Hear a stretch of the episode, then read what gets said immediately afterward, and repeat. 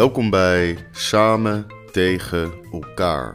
Mijn naam is Dario Goldbach.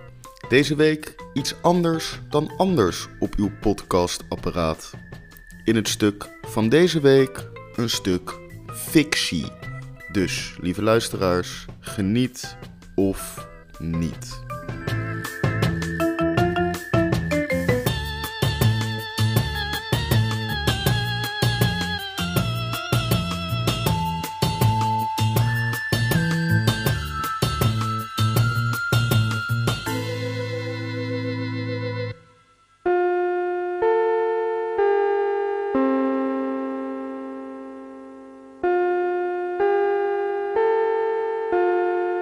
Het hoofdprogramma gaat reeds van start.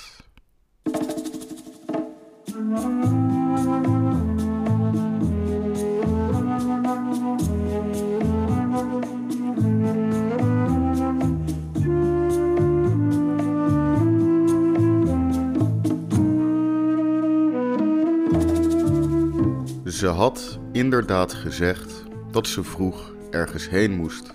Het zal vast om werk zijn gegaan. Het bed was in ieder geval leeg toen ik wakker werd. Hoewel ik momenteel nergens echt zeker van kan zijn, denk ik toch dat ik gelijk heb. Het ging om werk of iets met familie.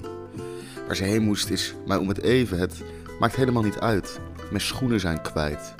Dat is waar ik op dit moment op moet focussen. De zoektocht naar mijn kleren had mij het een en ander bijgebracht, zowel over mij, haar als ons samen. Over mezelf herinnerde ik dat ik gisteren had gerookt. De geur van mijn shirt ontketende een flashback naar een peuk in mijn hand. Deze stoppoging zou de laatste zijn. Dat was zo omdat ik natuurlijk nooit meer zou beginnen en verdere stoppogingen dus niet meer nodig waren. De afgelopen weekenden hebben mij echter laten twijfelen over het succes van deze poging. Wanneer is een stoppoging definitief gefaald? Wanneer kan je officieel weer aan een nieuwe beginnen? De app die bijhoudt hoe lang ik al ben gestopt, is zich nog niet van mijn actie bewust. In een waan telt het de weken, dagen en uren door. Moet ik de app al resetten? Over haar herinnerde ik dat ze filosofie studeerde. Dit vanwege de dikke stapel boeken met mannen met baarden op het omslag. Niet gefotografeerd, maar geportretteerd of gehakt uit marmer. De stapel boeken was meer een soort bergboeken of, nee, een gesmolten ijsblokje aan boeken. Het was in ieder geval iets wat we giechelend omstoten terwijl we onhandig elkaars kleding uit probeerden te trekken. Een poging die we redelijk snel staakten. Het gaat nooit zo soepel als in de films. Je eigen broek gaat altijd makkelijker. Over ons samen herinnerde ik, door het bonnetje wat ik vond in mijn broekzak, dat we elkaar ontmoet hadden in een café waar je, laten we eerlijk zijn, nog niet dood gevonden wil worden. Zo'n soort feestcafé die niks mee heeft behalve de vergunning die hun om bureaucratische redenen later open laten zijn dan hun concurrenten. Het bonnetje was oranje. Daarop stond een driecijferig nummertje in een condensed font, wat correspondeerde met de hanger waar mijn jas een paar uur had gewoond. De realisatie dat ik mijzelf had verlaagd tot het niveau van dat feestcafé laat wel zien hoeveel er gisteren gedronken moet zijn. Er moet hier iets mee gebeuren, dit kan zo niet langer. Terwijl ik nog steeds mijn schoenen zoek, vraag ik mij af wat Kant, Socrates of Nietzsche van mijn hedonistische leven als student die gestopt is met studeren zouden vinden. Wanneer tot mij doordringt dat mijn ouders nog niet afweten van mijn keuze om het studeren even naast mij neer te leggen, heb ik geen filosofen meer nodig om mijn morele keuzes te toetsen. Ik ben een lul. Wel een lul met schoenen, die gewoon op de gang bleken te staan. Ik sluip de trap af om eventuele huisgenoten niet te wekken en sta even later zonder al te veel gedoe op straat. Welke straat weet ik nog even niet. Ik wou op de kaart kijken, maar mijn telefoon is leeg. Die had ik net op moeten laden terwijl ik mijn spullen zocht, maar toen had ik nog niet van dit soort briljante ingevingen. Ik loop door een inwisselbare Amsterdamse straat die mij zeer zeker naar een gracht zal leiden. De voorspelbaarheid van dit gegeven stemt mij rustig. De nutteloze telefoon in mijn broekzak doet helaas het tegenovergestelde. Misschien moet ik hem opladen in een Apple Store, maar dat duurt weer zo lang. Koffie. Ik heb koffie nodig. En misschien een broodje, een uitsmijter. Ik weet eigenlijk helemaal niet hoe laat het is.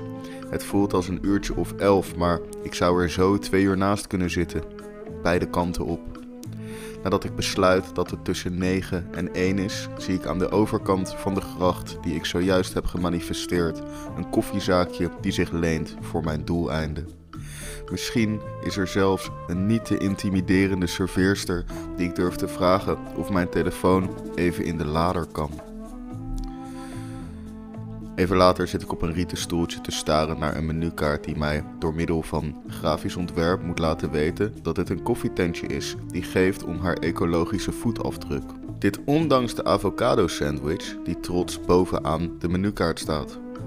Deze ochtend middag zat ik niet te wachten op ontbijt waarmee ik de wereld red. Ik wil vetlekkend vlees van de goedkoopste soort, al dan niet gefrituurd. Ik zal toch de avocado sandwich moeten bestellen met een gepocheerd ei en ricotta. Lekker op zuurdesembrood. Ik heb het verkeerde plekje uitgekozen. Dat is zeker. Als ik dan in ieder geval mijn telefoon op kan laden, is het allemaal zo erg nog niet. Draai mij om en kijk door de winkelruit de zaak in, speurend naar bediening, zodat ik vooraf de afweging kan maken. Ga ik vragen of ze mijn telefoon op willen laden? Ik zie een meisje, donker haar. Ze draait zich om. We maken oogcontact als een stomp in mijn maag. Het is haar. Het meisje wiens bed ik net had verlaten. Het meisje wiens broek ik gisteren niet uitkreeg en waarbij ik na wat gefriemel hopelijk niet snurkend naast in slaap ben gevallen. Het ongemak straalt van twee gezichtsuitdrukkingen. Ze staat verstijfd in haar groene schort. Ik heb echt de verkeerde plek uitgekozen voor mijn ontbijt. Hopelijk kan ze wel mijn telefoon opladen.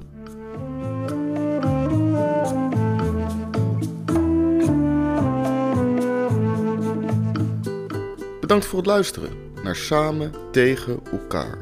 Leest u soms ook fictie? Deel deze podcast dan op je Insta-story. En vergeet niet de gefingeerde Instagram studio.dario te taggen. Een berichtje achterlaten kan nog altijd via de DM of via samentegenelkaar.nl. Mijn naam is Dario Goldbach en ik dank u hartelijk.